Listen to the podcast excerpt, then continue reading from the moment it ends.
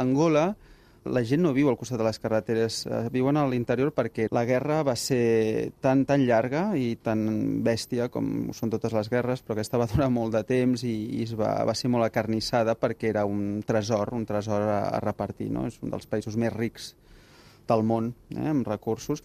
Llavors la gent, eh, acollonida, tu que ets especialista en, en refugiats no, del món, eh, aquí no, no hi havia on amagar-se perquè estaven rodejats per l'enemic. Llavors la gent se'n va anar no mato, no mato, eh? el que es diu la brousse en francès i, i en anglès de bush. Eh? La floresta. La, la floresta, sí, és uh, això, la, la no civilització. La gent va tornar a menjar fulles, a caçar conills i, I, i a sobreviure com podien. Sí, sí, llavors la guerra va acabar el 2002, la transició cap a la pau el 2005 i bé, ara gaudeixen d'una estabilitat que feia molts anys, no? Feia, doncs, 46 anys que no...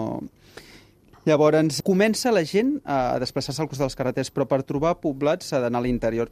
I llavors, parlant d'aquesta ètnia, els Humbi, que ens interessaven per veure què quedava d'aquell món de les postals, doncs vam tenir que endinsar-nos i quedar encallats a la sorra i va ser una odissea trobar el poblat on vivia la Jacinta. Calla!